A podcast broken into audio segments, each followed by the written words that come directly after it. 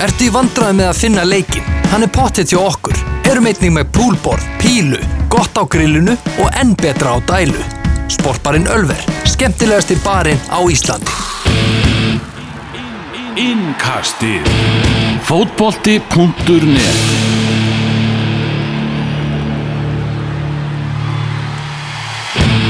Það er farið af stað þennan veturinn Evrópu innkastið. Daniel Geir Moritz heiti ég og með mér sem fyrr Elvar Geir Magnússon.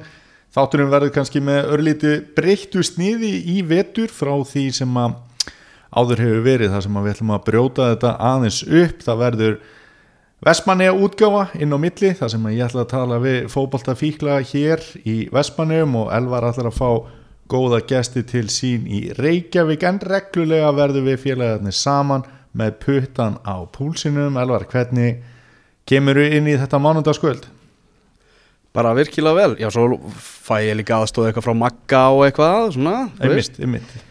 Að reynum aðeins að svona, gera þetta aðeins fjölbreyttara kannski. Já, en, en eins og segir reglulega þá munum við heyrast yfir hafið og heim mm Mhm, uh, milli Vestmanæja og, og, og Reykjavíkur.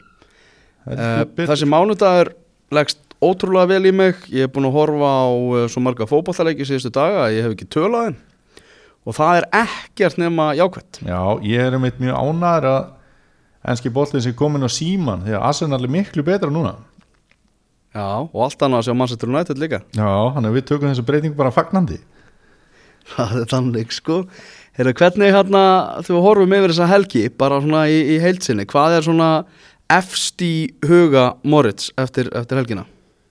Ég held að það hljóta að vera úrslitin leik Manchester United og Chelsea Já, það er svona það sem að vekur hvað mesta aðtekli af mörgu áhugaverði og ef við ekki bara byrja þar? Jú, bara byrjum á, á, á Frank Lampard sem mætir hérna kókraustur í hennar leik og, og er búin að vera svona spaðalur og fréttamannafundum í aðdraðanda mótsins, búin að vera að fagna því að menn sé að spá Chelsea utan topp fjóra því að það muni bara bara gjössalega íta þeim áfram. Uh, og tala líka um það veist, hann er náttúrulega sigurvegar og fer í allt til að vinna og, og eitthvað þegar svona fyrir taugataránum að þess að menn sé að, að tala um að gefa honum slaka og gefa honum tíma og eitthvað. Svo lendir hann bara algjörlega á maganum í, í fyrsta leik. Já svona algjörlega ef hort er í loka tölunar leikurinn var kannski einhver leiti óheppilegur eða svona óheppni fyrir Chelsea þar sem að Tammy Abraham var mjög nálægt í að skora svo að dæmi sér tekið. Og, og hérna uh, en úslitið náttúrulega 4-0 og neyðarlega í raun og veru fyrir Chelsea og hvernig United náttúrulega bara gekk á lægið og skora þetta mark 2 og 3 með nánast engu millibili. Og, og hérna mér fannst líka uppstillingin hjá Chelsea áhugaverð, maður er búin að spá í svona hvaða hérna leikmenn muni fá að blómstra undir stjórn Lampard, það er náttúrulega mikið búið að tala um hennan þetta félagaskipta bann og allt þetta eða kaupbann mm -hmm. og svo er hann með Kovacic og Horkinjó hérna tóin á miðjunni og þeir voru náttúrulega bara umulegir sko. og ég, ég skil ekki alveg þess, ég- þessa Kovacic pælingu en Góla Kanti er nú væntalega eftir að koma þarna inn og, og taka hans sæti en mér fannst Kovacic ekki sína neitt á síðustu tímabili og ég væri svona þetta var svolítið arsenalegt að fara inn í þetta tímabil svona eins og Arsenal hefur oft verið síðustu ár með Kovacic inn á miðjunni og hann byrjaði þennan leik, það verður bara að segja eins og er. Já, var hann líka með tvo krakka með svo mánt og, og, og hann Tammy Abraham sem við talar um hann en svona fyrir utan á þetta skot hjá honum hann þá, þá var hann ekki góður í þessu leik. Nei, nei og, og það er svona spurning hvort að hann eigi að vera senterinn sem Chelsea og að veðja á. Það er náttúrulega með mikla reynslu í Olivier Giroud og það eru fleiri kostir þarna e, í fremstu výlinu en þeir veðja á hann allavega núna og í þessum leik og, og hann fjall á prófunu í fyrsta leik og kannski slaki á Lampart ok, ég held að þó að Lampart tali ekki þannig að þá séu aðrir að hugsa þannig. Mm -hmm. Og er þá ekki slaki á til dæmis leikmann eins og Tammy Abraham e, í því samhengi? Já þannig að hérna Þetta er, þetta er rosalega langt tímabil. Það er erfitt að svona fell eitthvað sleggjudóma á Chelsea eftir, eftir þennan leik. Það var furðulegu fótballleikur Já, og eins og maður segir að þá, veist, David De Gea var með sjö markvæslur eða eitthvað í þessu leik. Já, þannig að það er alltaf áhugavert í, í leik sem leikar enda 4-0 mhm. Og hérna já, já, ég er alveg ég er ekkert hérna hlægjandi inn í mér sem Arsenal aðdáðandi bara samfarið um að Chelsea verði engin samkeppni við Arsenal í vetur út af þessu leik veist. þetta er náttúrulega bara eitt leikur í löngum móti eins og þú segir og, og ég held að mann geti alveg svona slakað hans á með að, skrifa fyrirsagnir fyrir tímabilið út frá þessum fyrsta leik. Hva, hva, Hvernig metur eins og að mína menn í, í Manchester United? Byrju kannski á Paul Pogba, hann var í, í gýrnum í þessum leik en samt sem aður þá halda sögursakundar áfram uh, það er ennþá verið orðan við Juventus og, og Real Madrid. Pól Pogba var frábæra í þessu leik og, og sérstaklega í marki nummið þrjú þar sem að hann sýnir gæði sín með þessari sendingu og allt það en með þessar sögursagnir, ég meina hann er nú ekkit beint að slökka í þeim sjálfur. Heldur betur ekki.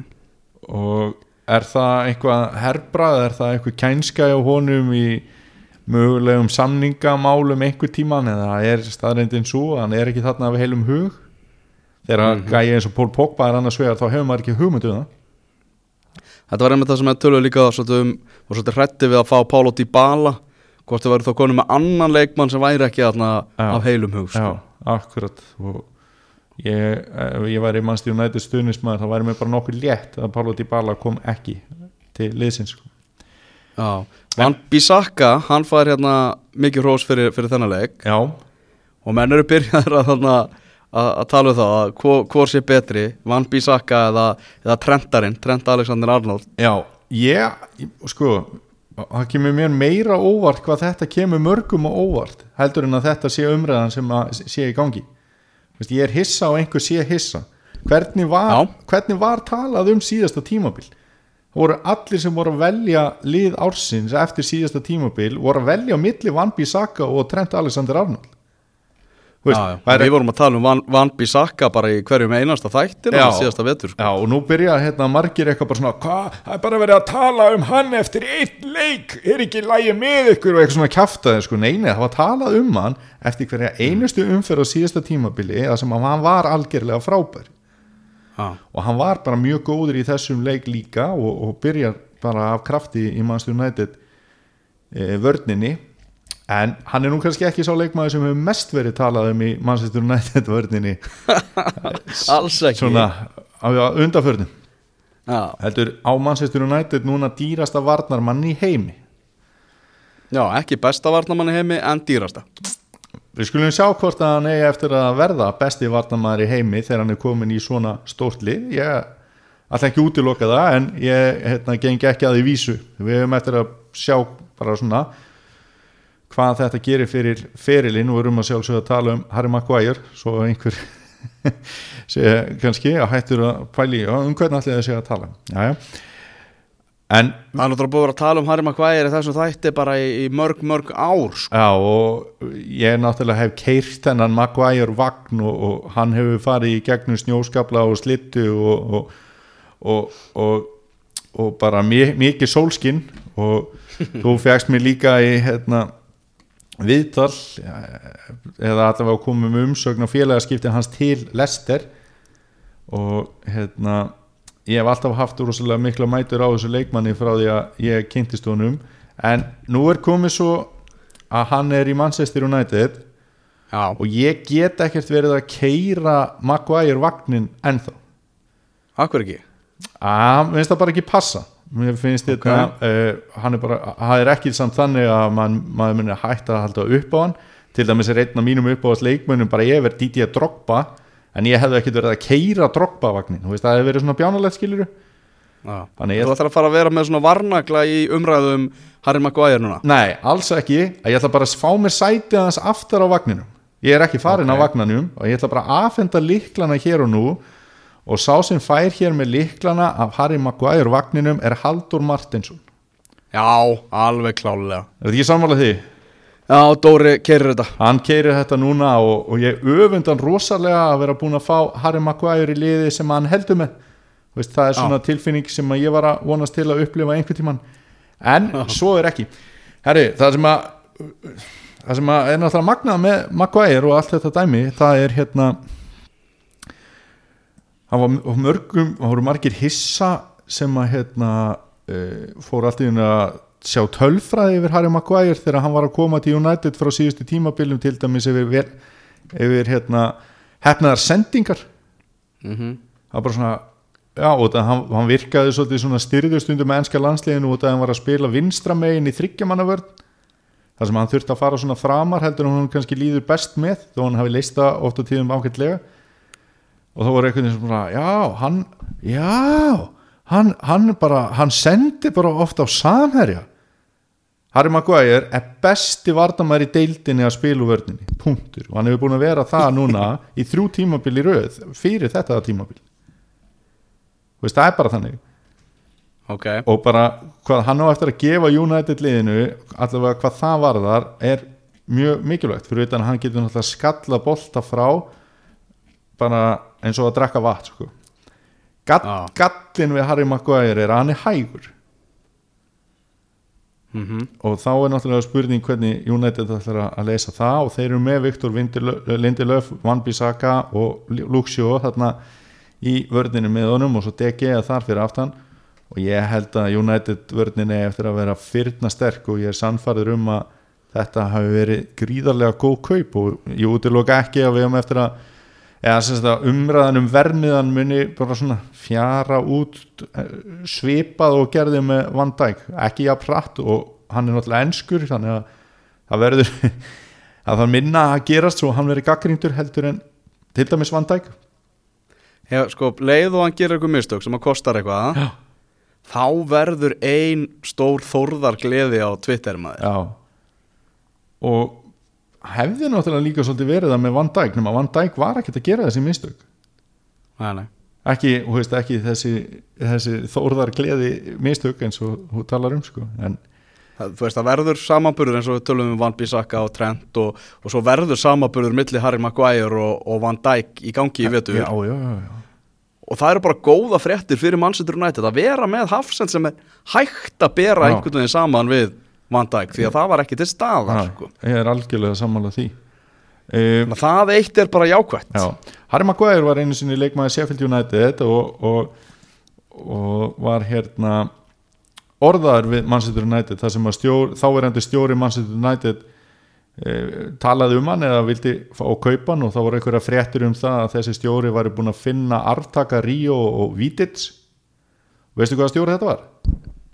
Nei, Þetta var David Moyes þetta var Moisarinn. Hann var löngu búin að sjá þetta út.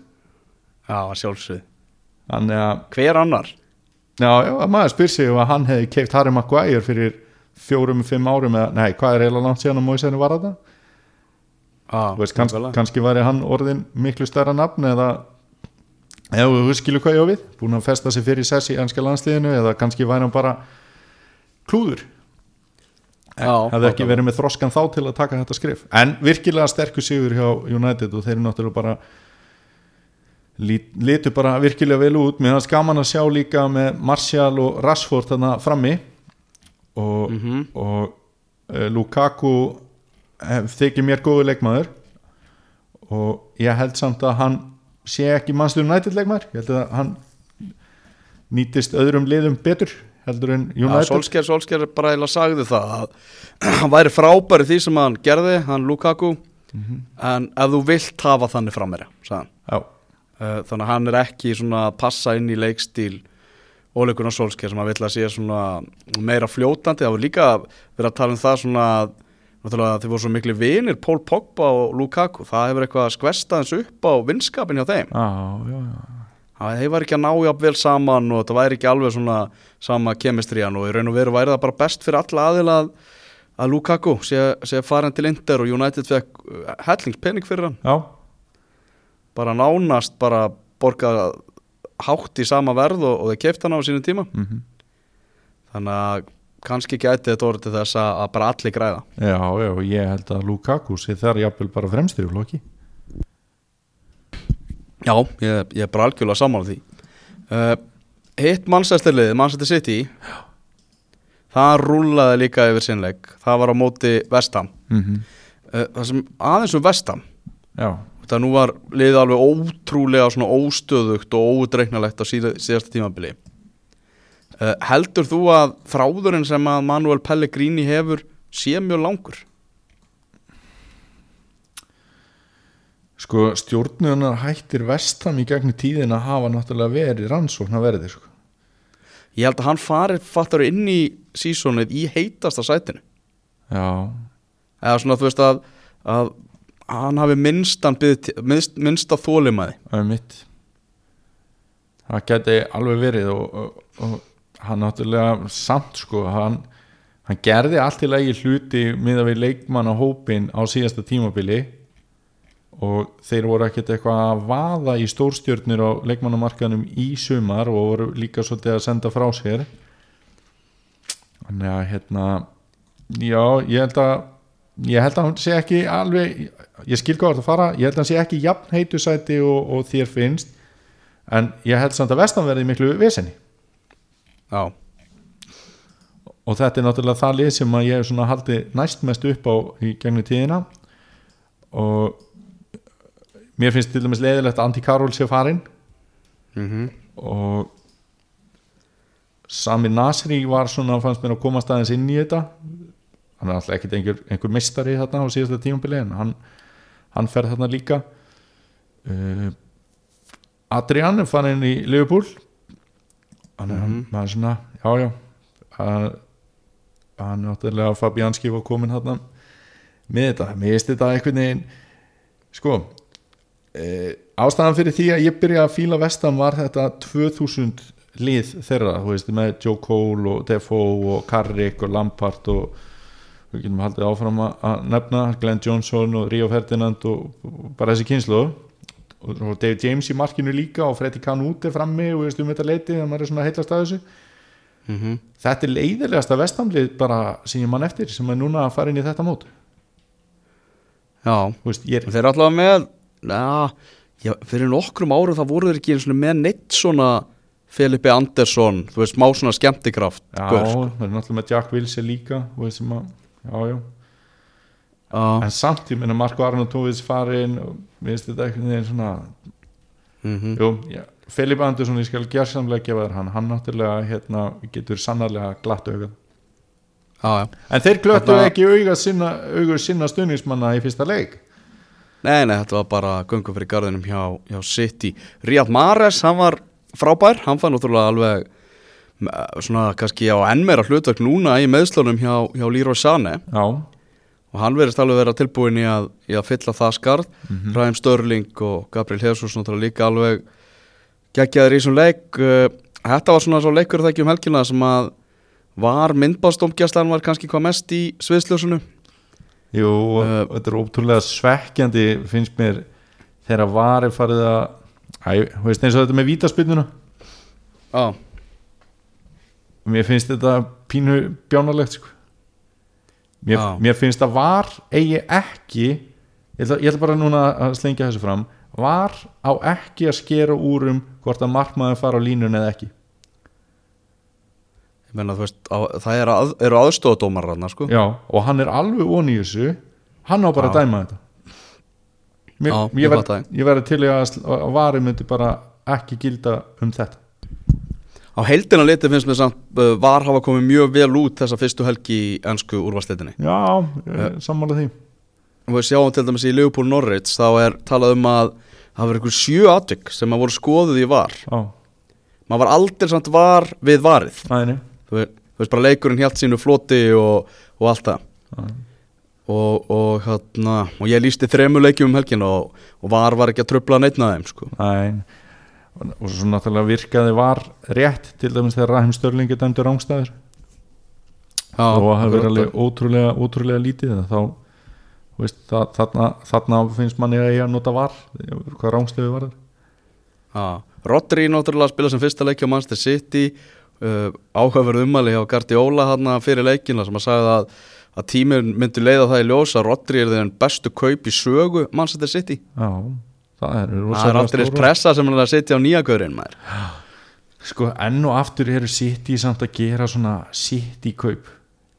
Þú veist, það er að kaupa dýrt og þeir eru að kaupa leikmenn sem eru ekki orðni stjörnur sem að verða stjörnur. Ég held að þessi gæi eftir að verða stjörna ég held að honum minni takast betur upp að slá Fernandinho út úr liðinu heldur en Fernando til dæmis sem átti náttúrulega að gera það og kom þarna inn til þess. Mm en bara frá því að Manchester City vann titilinn 2012 með Mancini veist, hvað hafa þeir keift margar stjörnur bara leikmenn sem eru stórstjörnur? Sko málið er náttúrulega að það er búið að búa til svo rosalegt kerfi þarna hjá City. Mm -hmm. Þeir eru náttúrulega búin að kaupa þarna og fá til sín bara Barcelona krúið gamla. Já, þannig að þú veist fótbolta þekkingin og vitneskjan og allt það er svo yfirgengileg. Já, að þetta þannig að sé kemur ekkert óvart sko. meni En- og, og, en svo er, náttúrulega búin að eða svo miklu pening náttúrulega líka í þessa akademíu hjá já, sér. nákvæmlega. En þeir eru með svo geggja lið og það bara akademíuleikmenn komast ekkit inn í þetta sko. Nei, þannig að uh, veist, þetta er kannski Aguero sem að er hana, nei, hann er náttúrulega var keftur úr undan já, já, þetta eru, þú veist bara eins og byrjunarliði sem að, var að spila þarna þú veist, það var engin orðin einhver svona stór stjarnar áður en hann kemur í City, ég er ekki að tala um að enginn hafi vita hvað það var, við vissum náttúrulega hvað Kevin De Bruyne var og við vissum hvað David Silva var og, og, og hérna og þar fram eftir göttunum og Laporte og Já, þú eitthvað ert að tala um bara menn sem voru, e, e, það sem eru núna, bara alveg í heimsklass Já, ég er að tala um að, þú veist, United keifti Paul Pogba fyrir tveimur, þreimur tímumbilum sko. Mannstu Ah, sitt, ég hefur aldrei keift þennan gæja frá þessum tíma sem ég tala um, þannig að 2012 fóru náttúrulega í Tevez og Robinho og einhverju svona æfingar hann á undan sem að vissilega eru stjórnir mm þannig að ég finnst sitt í einhvern veginn bara fara af stað sem lang líklegasta liðið. Já, þetta er náttúrulega vel við hæfið þetta byrja á föstaskvöldi á því að Liverpool vinni 4-1 Mm. Og svo komið Manchester City bara í hátinu daginn eftir og vinni 5-0 Já, já, Þetta þetta er svona, þetta er bara í hnótskurt síðasta tímabil. Liverpool bara gerði allt rétt já, en Manchester City gerði það bara réttar. Já. Og veist það var eitthvað við þannig sko. og svo náttúrulega einn stærði í þessu sitt-í-liði sem var ekkert á síðasta tímabili. Kemur undir brunni, hann kemur þarna inn og, og sýnir bara sín gæði bara því líkur leikmaður sko. Já. Herður, Leopold Norrits mm -hmm. Opnunaleikurinn, góði. Já, Þetta var náttúrulega uh, tölfræðin gefur svolítið ranga mynd af þessu leik. Það er að vera að segjast eins og er því að já ok, það var svona líf og fjör alveg í, í Norrætsliðin á köplum en þeir fóru, að, fóru náttúrulega mjög áhugavert inn í hérna leik. Daniel Farke þjálfari liðsins sem er að stýra þeim núna í, voru að stýra í fyrsta sinn í ansku úrvarslitinni er með svona mörguleiti bara sama hóp og, og vann championship-deltina á síðasta tímabilið þar sem þeir skoruðu rosalega mikið, fengur rosalega mikið á sig og voru svona skemmtilegir. Og hann sagði bara við ætlum að spila það sama bara núna, við erum kominir á Anfield og við ætlum að gera það sama.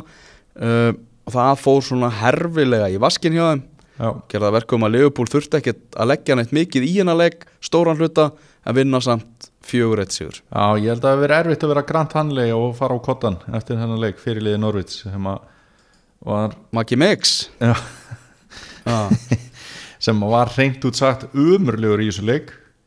Já, og síndi það til dæmis þegar hann ætlaði að reynsa og skaut í andlitið á sér sem var alltaf vandræðilegt já þú sér alveg, þú veist líka þetta, þetta er krakkavarnalína fyrir utan hann, hann á að vera leiðtói í, í varnalínunni sko. og hann er maður eins með bara mest með buksunar á hælunum sko. Já, og líka bara, eh, veist, hann skoraði þetta sjálfsmark, jú, velgert jú og ríki og, og bara hérna, aðeins að koma inn á og ríki og eftir. En því lík ömurðar spilna það sem að hann skilar þarna í eigin net sko. þetta, er, þetta er svo sjúglega lélegt sjálfsmark. Þetta er það. Veist, oft fáir maður svona samhúð með leikmönnum sem að skora sjálfsmörk veist, það er einhvern veginn bara nelt alveg fyrir með grasinu og þú átt ekki sjens veist, og Ríki er náttúrulega réttfættu leikmaður kemur þarna inn og, og gerir krúsidúlur og kemur boltanum fyrir, flott. En það hefðu allir í deildinni bara hreinsað þetta í burti nema þessi gæði sko. Já, það er hægt að taka einhverja svona ljósa punkta fyrir kannari fuglana í setni áleiknum. Til dæmis að Timo Pukki sem var bestileikmað Championship deildarinnar á, á síðasta tímabili hann er að skora allavega í fyrsta leik. Hann er búinn að haka við það, það er búið að opna markareikningin í Premier League, það er náttúrulega gaurið sem er treyst á að það sé að fara að skora mörki fyrir það í vetur. Mér finnst það að vera svona algjör svona Andy Johnson sendir Já, sem að gera í Garniði Fræði á Palace og Everton. Þetta er svona þannig er svona lítill en, eða svona nokkuð lítill en samt svona hraustur. Örgulega ógeðslega leiðilegt að dekka hann af því að hann svona lætur tína sér og svo, og svo getur hann svona klára, klára færin sko. ég mæli með að fólk ef það hefur áhuga YouTube Andy Johnson og bera þetta saman. Já. þetta Pukki Mark var bara algjört Andy Johnson dæmi sko. Já. En nógum Norrets, við ætlum ekki að ómiklu tími í þá. Eh, Mér langar samt aðeins með, með það og veist, þeir sko Liverpool er besta liðið í ennsku úrvasteildinni ásand Manchester City. Og þetta eru tvö þú veist, ef við tökum síðasta tímabil þetta eru tvö eiginlega jafn góð lið Norveits hefði alveg geta gert eitthvað á móti hérna, lagara liði með þessa framistuðu þeirra í leiknum á móti Liverpool. Þeir voru óhefnir að komast ekki yfir mætti ég að byrja segja. Þannig að ég held að fjögur eitt og barna, barnaskapur í sóknarleiknum og allt í leið með það en ég held að þeir fara alveg sprækir inn í næsta leik. Uh, stóra máli náttúrulega hjá Liverpool eru meðslinn hjá Alisson. Já, þetta var ekki bara að dansa á rósum. Alisson verður frá næstu vikurnar. Jörgur Klopp búin að, búin að staðfesta það. Hann Adrian náttúrulega mættur og hann var ekki alveg að búast í því að spila fyrsta leika ennsku úrvarsleitarinnar Mæni. Fínt fyrir Liverpool sko þeirra fáinnan hann ofurbyggjar Evrópuleik á miðugudaginn Já, á móti Chelsea þar sem að Evrópudelda mestararnir með þetta mestardelda mestarunum mm og basically þessi leikur skiptir engu máli sko, þetta er bara svona fínt fyrir einhverja jakkafattakalla að hittast og, og, og fá sér hérna súkulaði gósbrunn og eitthvað heldur það samt? Já, þetta er bara basically þannig leikur, skilur við Ok, ég held að, að allir sem spila hann að leik vilja vinna hann og muni leggja mikið í söldunar Hver vann það í fyrra? Hver var hann þetta fyrra? Real Madrid? Já.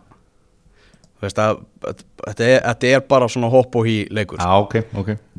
Já, þú veist, er að, þetta er mitt mat. Þannig að mm uh, Adrian uh, fær allavega, þú veist, tennanleik Já, Þú veist, alltaf fær hann bara 90 mínútur og það er svona aðeins að svona stilla saman strengi fyrir þá leiki sem að framöndan eru þar á eftir sem eru talsvægt mikilvægir já, algjörlega samanlega því En hrikalegt náttúrulega að missa, missa Alisson Hversu pyrrandi er þetta fyrir Símon Mínúli?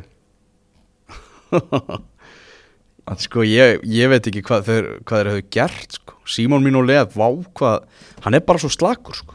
Hann er ekki verið en Adrian Nei, nei En svo er spurning með hann að millisbor og markmann hann að vinna okkar sem að er að fara að semja við. Já, Nei, nei, þú veist Mér veist Adrian fín já, já, mér, mér veist líka Símon Mínúli fín Hann er náttúrulega bara ekki Já. meistaradeilda fín Það er Herri, Scott Carson fór í, fór í Manchester City í sumar. Það það er þannig, já, Já. alveg rétt. Það er Það- það- ógæstlega það að fyndið. Hann fór sem svona æfingamarkmaður. Já, það er mjög fyndið. Já, það er þetta mjög gott.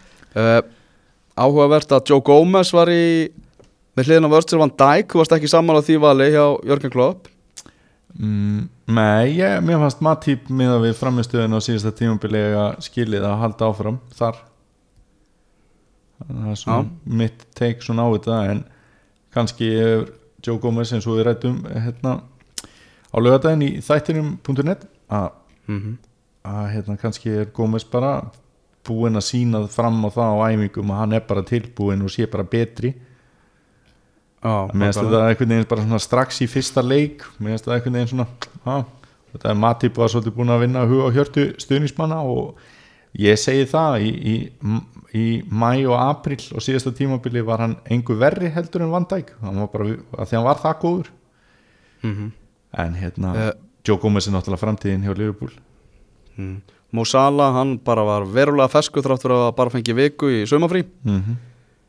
og en svona eitt mesti skemmti kraftur leiksins var Divock og Ríki Já, hann var- það er bara þannig. hann var algjörlega frábært og rosalega gott mark sem hann skoraði líka hann að skellamarkið og, og, og bjó náttúrulega til þetta sjálfsmark og e, mér finnst hann einhvern veginn bara svo áraðin hann er náttúrulega skrítið að segja það með einhverju svona hissa tón þegar verið að tala um leikmann í Liverpool ah. en hann var ekkert svona hugaður. Það gerðist bara eitthvað hjá þessum gæja á síðasta tímabili þú veist, að, að ég held að hann hafi átt að segja á sinni stöðu bara herri, ef ég, ef ég bara gef mig ekki í þetta 100% þá er, er þetta síðasta tímabili mitt í Liverpool. Og þetta, og svo við komum enn og aftur inn á þessu marki sem hann skoraði sprellimarki á móti Evertón hann er bara hann heldur bara áfram á, á, á þessari áraðni og mér finnst svona hugafar hans og, og svona nýta sína hæfileika. Mér finnst það bara til eftirbreytni fyrir, fyrir svona gæja og ég, hérna, mér finnst það vera bara ótrúlega flott fyrirmynd. Já, algjörlega, sammála því. Þetta var bara allt eftir bókinu hjá Liverpool í, í þessum leik. Mhm. uh, Kíkjum aðeins á leikina á lögadeginu Bournemouth mætir Sheffield United. Það fer 1-1 hjá nýleðunum sem heimsækja Bournemouth. Herðu, hérna Bournemouth, nei, hérna Sheffield United á tvö uppáhaldsfélagaskipti mín held ég bara í sumar. Ok, hvað er það? það er nefnilega ótrúlega fyndið. Þeir keiftu Oliver McBurney. Já, frá Swansea. Skotan hann. Já, hérna gæinn sem að maður held að væri verið að stekja þegar hann var að byrja að spila hjá Swansea. Já, alveg rétt. Og bara með sokkabuksurnar alveg fáranlegar og hérna, en veist, hann stóð sér fínt hjá Swansea í fyrra og, og er að fá þetta fá þessi, þessi, þessi skipti yfir í ennskúrastildina þannig að það eru forunlegt að sjá hann. En ég var að renna yfir þetta áðan og það sem að mér finnst við, já, það sem að mér finnst áhugaverðast hérna hjá Sheffield United er Já. að þeir eru konið með Ravel Morrison Já, það er líka fyndið. Það er mjög Var hann að spila, var hann að spila um fínt. nei, nei, Nei, en það er samt mjög fyndið að hann sé komið þarna því að, því að hérna, hann, hann hefur náttúrulega verið í algjöru bulli með sinn feril. Mhm. Og það var forunlegt að sjá hvort að hann hérna hvort að hann er að fara að gera eitthvað í enn skúrastildin árið 2019 eða 20 sko. Já. Heyrðu Veistu, veistu hvað? Er með það? Vá, vá, þetta er geggjað sko. Mario Balotelli og Ammal í dag. Nei, Jú, Til ham- 29 ára Til- í dag, til- okkar maður. til hamingi með daginn. Ó, þetta er skemmtilegt að fyrsta yngastið í vetur sé á ammalistegi Mario Balotelli. Það er þetta geggjað. Já, nú vonum við bara að hann fara að finna sér einhverja vinnuvitandur sko. Já, já, það væri það væri skemmtilegra sko þetta var smá ótutúr smá svona óvænt Balotelli hot ég held að Eh. fólk sem er að hlusta elski hennan út út úr Þannig að- Heyrðu Jói Berg með mark í fyrstu umferð. Og ekkert smá mark sko. Það- ekki smá mark og, og Burnley bara 3-0 sigur. Nick Pope í markinu. Nú er náttúrulega Tom Heaton farin í villa Mhm. og, og Poparinn var, var geggjar í þessu leik. Talaði um það að hann þurfi svona að sanna sig kannski svolítið upp á nýtt og þetta er Já. ágættis byrjun á því. Já, og, og Asli Barnes með tvö veist þetta og, og, reynd lag það er ekki hægt að byggja um betri byrjun hjá Sjón Dæs og, og félögum í Burnley. Nei og þetta er bara líka einhvern veginn ótrúlega börnleileg byrjun. Finnst mér og er, Erum við að fara að fá góðu útgáfun á Burnley á þessu tímabili? ah, Ég er ekkert viss um það. Nei, það er ekki þessum það En hérna líkunar á því eru meiri ef að Jóhann Berg helst heill. Það held ég að Já. morgun ljóst.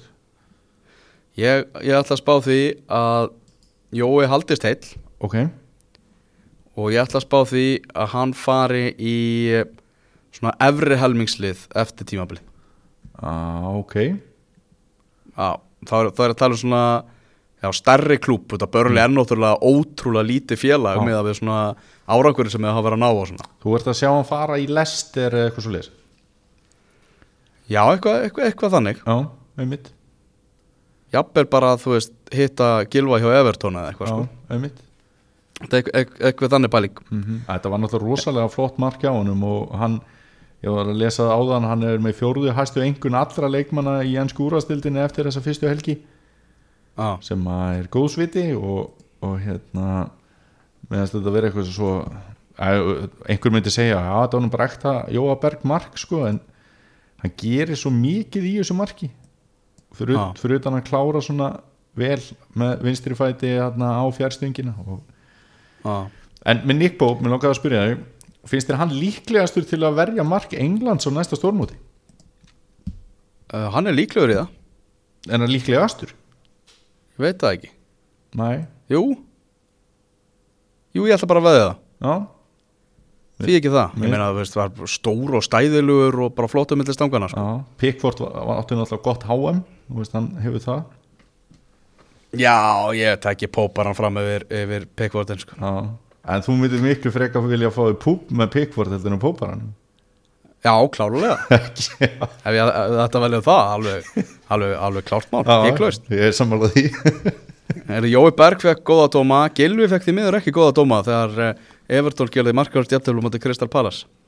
Nei, hann klúðraði alveg svakalegu dauða færi í þessu leik.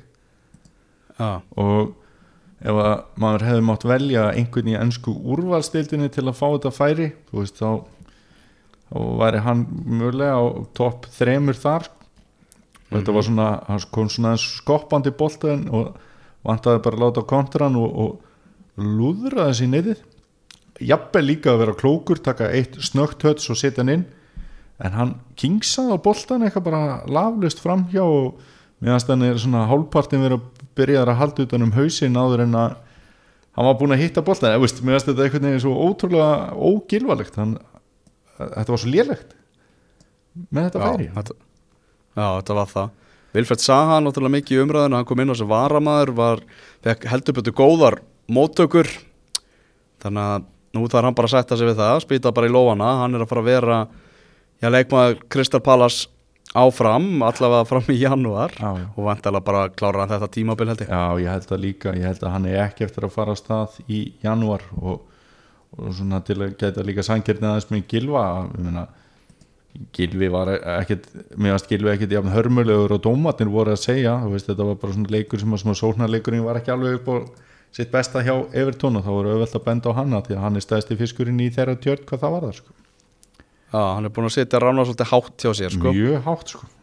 Já, er, hérna, bara með frábæri framistu mm algjörlega Ég spáði Brighton falli Já, ég gerði það bara með þér Þeir unnu 3-0 út þessu frá móti Watford. Ég skil ekki hvernig þið fóru á því. Nei. Og veistu hver var bestur í þessu leik? Graham Potter, stjóri Brighton. Já, ok, en, en á vellinum? Nei, á Lewis Dunk?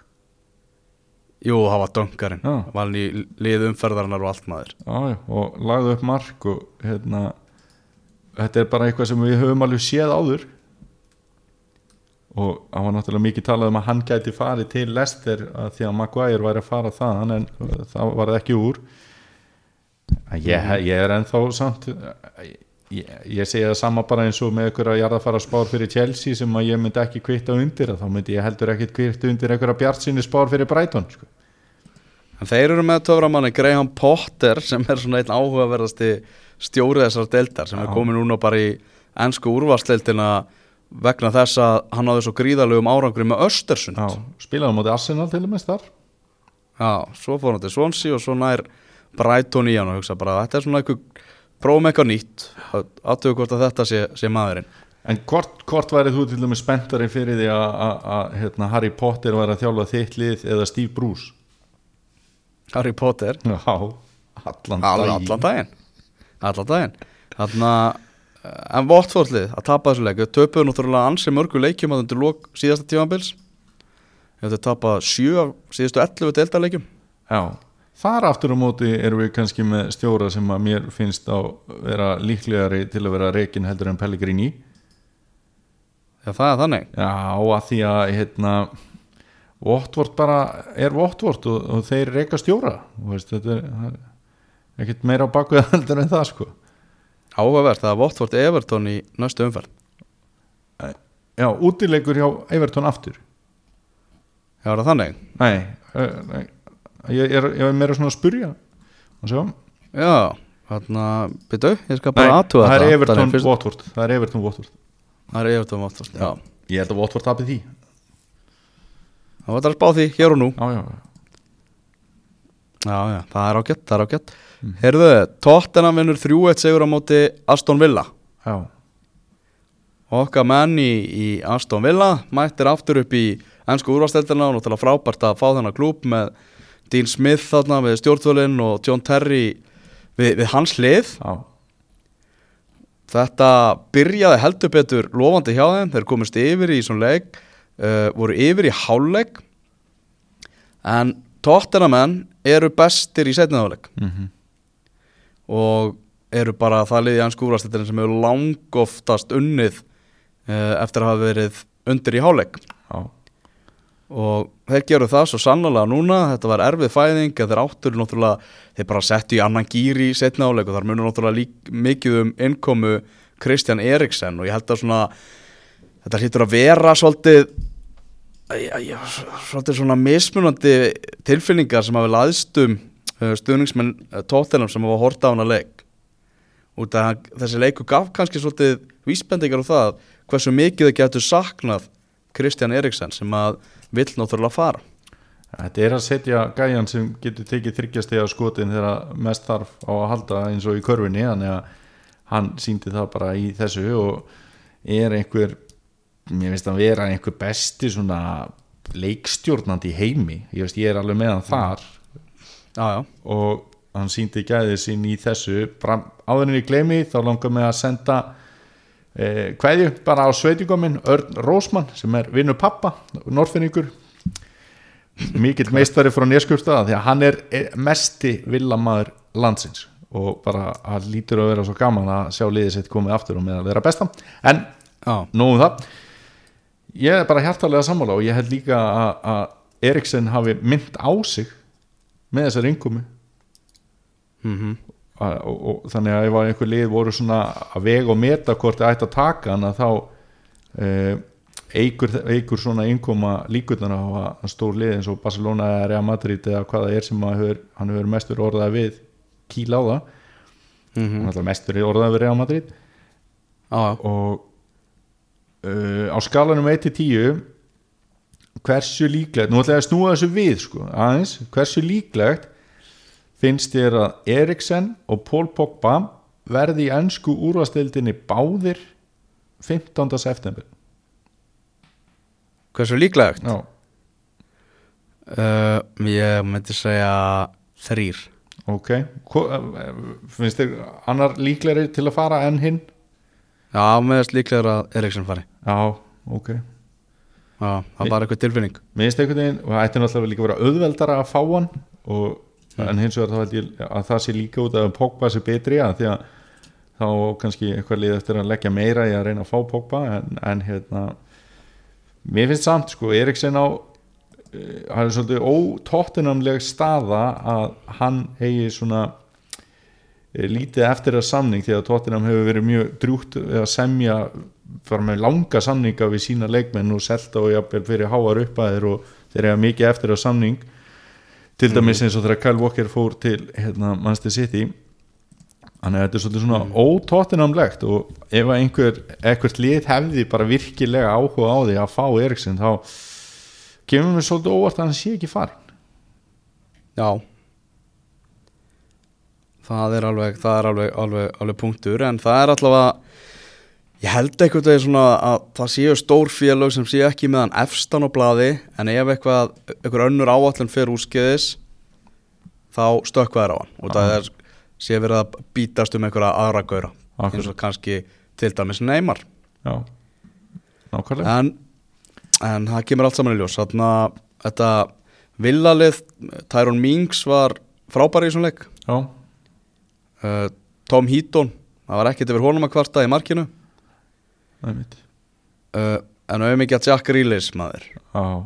Hann mættur aftur í ansku úrvalstættina hann hann er hann með eitthvað vestar rönn í úrvalstættaleikjum bara af öllum leikmönnum sko. Já, já, hann er lélegasti leikmaðurinn. Nei, nei, það er enginn hérna tapar fleiri leikjum í röð en hann.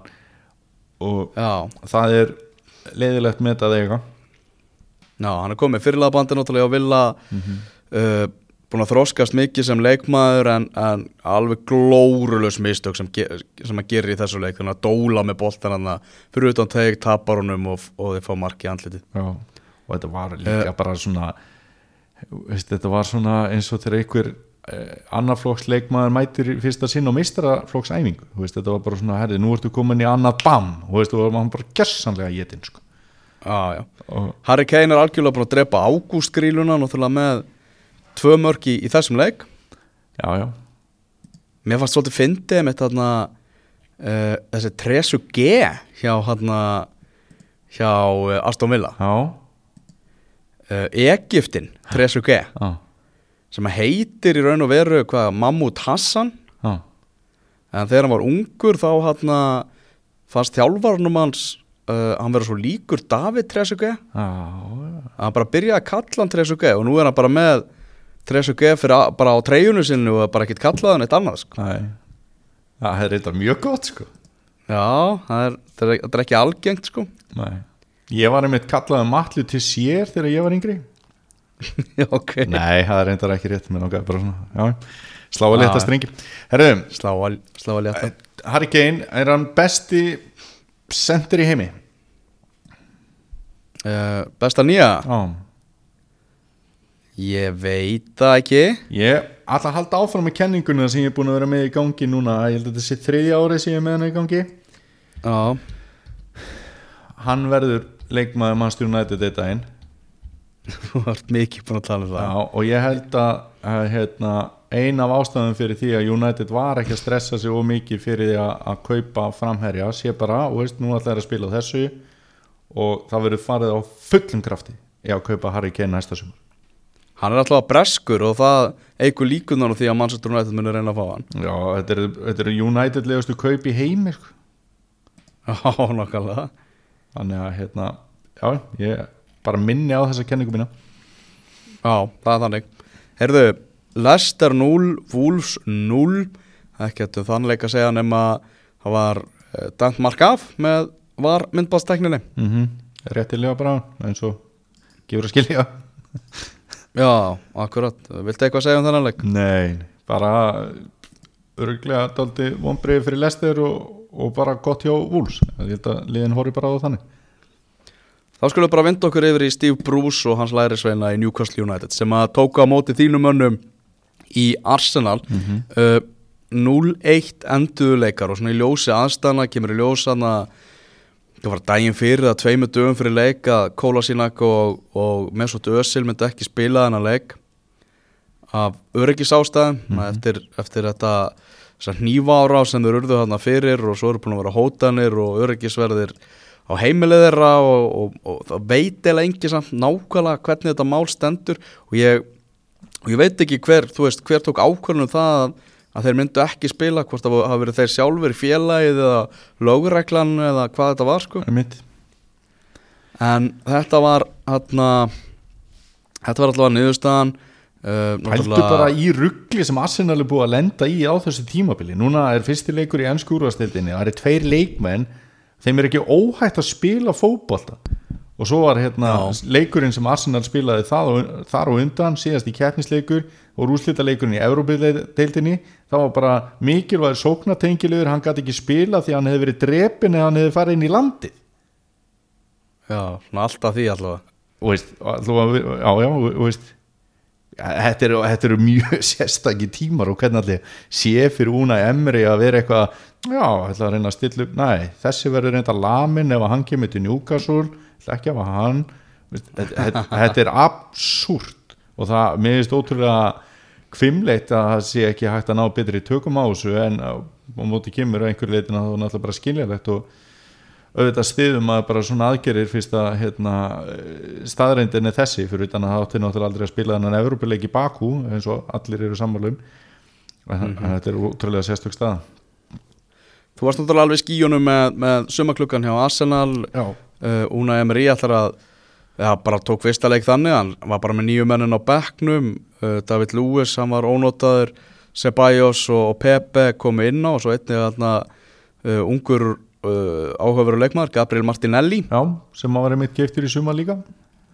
Já, akkurat og, og Arsenal vann þar samgjarni við, við öflug félög. Mm -hmm. uh, og hann ákveður að, lefa ungu strákum, hann fá tækifæri uh, Rhys Nelson sem var hjá Hoffenheim á síðasta tímabili og, og stóð sig afar vel, sérstaklega fyrir hluta tímabilsins. Og, og svo var hann í hólunni Joe Willock sem að ég var bísnar hefinn af í þessum leik. Já, uh, algjörlega óhrættur leikmaður. Mhm. það voru þetta fyrstur út af þessir þessi tvei strákar þrátt fyrir að við séum nú sammálum það Daniel að Henrik Mkhitaryan hefði átt að, átt að fá fyrst, fyrstur kvíld já Mkhitaryan var lélegastur örglega bara í ennsku úrvastildinni ásamt þessum Norveits varnamanni eftir fyrstu umferð. Og algjörlega umurlegt að horfa á hann spila. Og og margir asinamenn, ég horfði mitt á hann á okkar besta stað, Ölver í Glæsibæ og, og menn voru bara að missa viti sko, á pyrring út í hann sko. Já, og uh, ég myndi segja ef við höfum að taka Villok og Nelson svona saman í pakka meðast Villok hérna ögg betri að þá finnst mér þeirra kannski ekki alveg hafa fallið á prófinu, ég held að það sé ekki hægt að segja það en ég held að það hefur kannski ekkit verið að svona gera tilkall í að byrja frekar heldur en þeir sem voru á bekknum. Ég held að við getum orðað þannig með því að hérna tala um það bara að, að virðingu sko. Já uh, Maitland Niles, hann leggur upp uh, einamarki í leiknum fyrir Aubameyang. Mm 1-0 sigur, ekkert eitthvað var ekkert, uh, menn var ekki að fara með heiminskautum í Arsenal-liðin í þessum leik en, en það sem skipti bara mestu máli það var að taka punktana þrjá. Já og halda reynu náttúrulega líka. Ég hefði alveg, veist, ég hefði ekkert verið miður mín ef að leikar hefði enda 0-0 Þú veist, þess að það var ég bara virkilega sáttur að Arsenal vinnur 1-0 en Arsenal hefur ekki verið mikið að halda reynu og mér hafst Chambers kom og flottur inn í eina leik. Þrátt fyrir að hérna Alexander Mitrovic átti sitt tímabil hjá Fulham að þá var Chambers sem var lánsmaður valinn leikmaður ásins og hann fæ- Beidu, sko ég er enn að átta á því að það eru sætti bara við 0-0 jafntefli á móti Steve Bruce Newcastle. Já, veistu það bara þetta er ég hef allavega að hugsa, ok, við getum allavega að halda reynu á þessu tímabili. Það gerðist þeirra aldrei í fyrra, ég er að meina það svolítið þannig sko. Og, og hérna fara þarna í norðrið og Arsenal hefur náttúrulega átt afleitan árangur á útivöllum frá síðustu tímabil. Þannig að hérna ég held að Arsenal menn hafi verið virkilega sáttir og náttúrulega glaði með að sjá ungu gæjan að fá tækifæri, glaði með að sjá Maitland Niles vera mannleiksis á meðan hvað valin það, meðan Maitland Niles það skili og svo er náttúrulega ótrúlega gaman að sjá þessa gæja sem varst að tala um áðan koma inn á og sérstaklega Nikolas Pepe og Arsenal er núna það lið sem að á dýrasta Afrikumann í heimi bara frá upphafi. Já, og þetta er rosalega mikil yfirlýsing Arsenal sé loksins farið að kaupa svona dýra leikmenn. Liðið hefur svona dreigð svolítið aftur úr með að kaupa e, svona dýra leikmenn. Og e, ég er með þær væntingar til Dani Ceballos að hann verði betri heldur en Dennis Suárez. Það er rosalega vandi karmaður þannig að hérna Þetta er algjörl órunhaft Þú þarft að setja eitthvað hérna. Það er eitthvað endur skoða þetta sko. Þannig að hérna, svo held ég að David Lewis segi eftir að byrja marga leiki hjá Arsenal og mögulega næsta leik Það er möguleiki á því. veitur sko. þannig en það var einn algjör mistari sem kom inn á í Já, hann heitir Alan St. Maximin já, algjörmeistari Það er skemmtikraft það er skemmtikraftur og ég væri ég, ég er svona, ef ég ætti að velja með hárkótli eftir helgina þá er annarkvort hann eða Tyrone Mings en ég held að það sé frekar hann. Já, og hann kom hann inn með krafti hatar ekki að taka hérna, að rífi lóðin já, nákvæmlega. Og er svona með þessa springju og með hérna, neon gula dretta, illa greita og veistu, hann var fáránlegur sko. En, en mér fannst hann ekki kalinn sem leikmaður, mér fannst hann koma með svona ákveðina svona ógn í, Hann á sko alveg helling af yngri landsleikjum að baki fyrir Frakland sko. Á, á, og það er ekkert einhverjir auðlar sem sem sem að fá að spila fyrir frakka sko. Næni, nákvæmlega. Þannig að hérna Já. mér, mér, þetta var svona já, hann vakti sérstaklega aðtikli hjá mér. Svo leikmaður sem við höfum nú oft hælt Miguel Almirón Já, hann var umurlegur í þessu leik. Hann fekk guldspjald fyrir dýfur réttilega. Já, og alveg svo lélega dífu og hann náði eng, engri átt en, en hérna hann á eftir að sína betri takta í vetur er ég sannfarið um heldur hann gerði í þessum leik.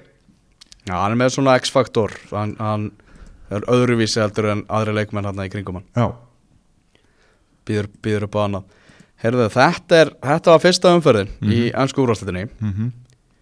Uh, Þínu menni að hátiðisleik á lögadaginn. Arsenal Burnley er í bóði mhm.